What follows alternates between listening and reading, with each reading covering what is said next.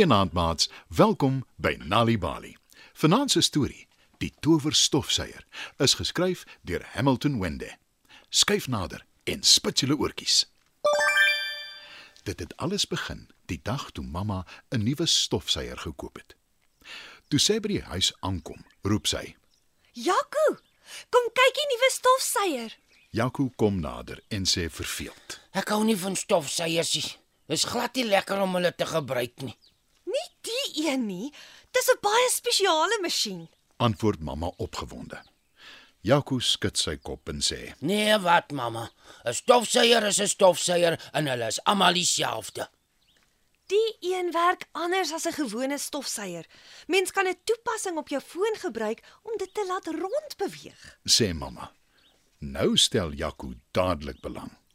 En hy is nou ook opgewonde, So waar? Dis wonderlik. Ek gaan dadelik vir Isak vertel. sê hy.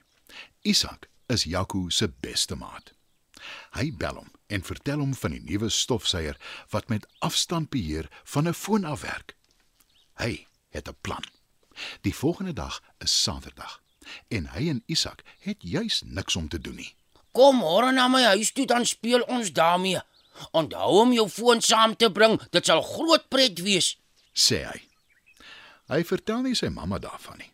Sy gaan die volgende dag werk toe en sy hoef nie te weet nie. Maar mamma is nie onder 'n kalkoen uitgebroei nie. Toe Isak die volgende oggend vroeg by hulle huis aankom, nog voordat sy gaan werk, sê sy streng: Jy en Isak beter nie die toepassing op julle fone laai nie. Nee, mamma. Natuurlik nie. Antwoord Jaco onskuldig. Maar die oomblik toe mamma die deur agter haar toetrek om te gaan werk, is dit presies wat hy en Isak doen. Wat van jou ouma? Sal sy nie vir jou mamma vertel nie. Sy sal hoor as ons die stofsuier aanskakel. Vra Isak effens bekommerd. Nee, wat? Sy doen houtwerk in haar kamer. Sy sal niks hoor nie. verseker Jaco hom. Binne 'n japtrap het hulle die toepassing afgelaai op hulle fone en die stofsuier draai al in die ronde in die sitkamer. Dis inderdaad groot pret om te sien hoe die masjien se pyp die stof uit die hoekie suig soos 'n slang en dit alles insluk, Vir die eerste keer hou ek van stofsuig. sê Jaco. Toe kyk hy rond en hy sien ouma se vaas wat in die hoek op 'n rak staan. Dis haar trots. Maar Jaco weet, dis vol stof binne-in. Hy klim op 'n stoel en tel die vaas van die rak af. Toe sê hy: Kom ons suig die stof uit my ouma se vaas.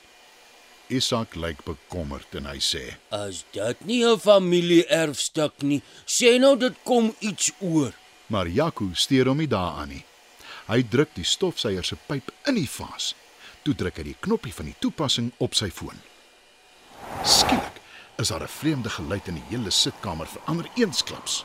'n Vreemde, wilde gekleurde wolkie kom uit die vaas gedraai en dit maak 'n snaakse zoem geluid. Jaco en Isak kyk verbaas na die wolkie. Maar toe, skielik, rek hulle oë groot. Want uit die vaas kom daar insekte en voëls wat hulle vlerke afskud en in die sitkamer begin rondvlieg. Die twee seuns kyk bang na mekaar. Wat wat wat wat, wat maak ons nou? Vra Isak in 'n bewerige stem. Maar toe skrik die twee seuns eers groot. Want nou kom daar mense in ou tydse klere uit die vaas. Spooke. roep Isak bang en hy laat val die vaas. Stukke van die vaas breek af. Een van die spooke vra bekommerd. Waar gaan ons nou bly? Isak dink vinnig. Toe sê hy vir die spook: Toe maar, daar is 'n toepassing op my foon wat julle sal terugvat na waar julle vandaan kom. Maar toe Isak op sy foon kyk, is die toepassing skoonveld. Dis nie meer op sy foon se skerm nie. Jaco kyk na sy foon. Die toepassing is nog daar, maar hoe meer hy die knoppie druk, hoe minder gebeur daar iets. Wat maak julle twee? Hoor Isak en Jaco ouma sê. Sy staan in die deur van die sitkamer en kyk na al die gediertes en spooke wat rondvlieg. En ouma het nie 'n antwoord nodig nie. Hoe gaan ons ooit weer huis toe kan gaan? Vra 'n ander spook, 'n jong vrou, benoud. Ouma glimlag toe sy sien hoe bang Jaco en Isak lyk. Die masjien kan julle nie help om alles en almal terug te sit in die vaas nie. Maar ek kan. Want dis dinge en mense wat ek geken het en wat iets vir my beteken het in die verlede. sê sy. Toe sit sy alles terug in die vaas en sy help al die spooke terug. Jaco en Isak hou haar verbaas dop. Toe almal en alles terug is in die vaas, sit ouma dit terug op die rak. Hoe het ouma dit reg gekry? Vra Jaco grootoog. Ouma glimlag en sê: Die wêreld is vol geheime plekke. As mens jou herinneringe en die mense met wie jy dit gedeel het koester, sal jy hulle altyd weer vind. Wat maak ons met die stukke van die vaas wat afgebreek het, ouma? Vra Jaco skuldig. Hou elkeen van julle 'n stuk van die vaas om julle te herinner, om julle ore en julle oë oop te hou vir dinge waarvoor julle lief is. Antwoord ouma. O, waar het die toepassing op die foon heen verdwyn? Vra Isak terwyl hy te vergeefs op sy foon daarna soek.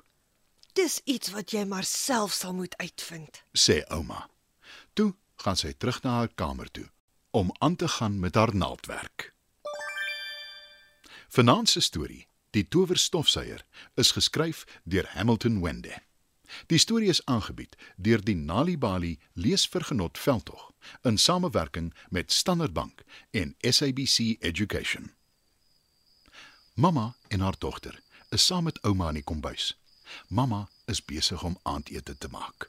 Mamma, mamma, 'n storie asseblief. Die kind vra so mooi, jy kan nie juis nee sê nie. Vertel haar hoekom die maan kleiner word, dan help ek solank met aandete. Sy hou baie van die storie. Nou goed.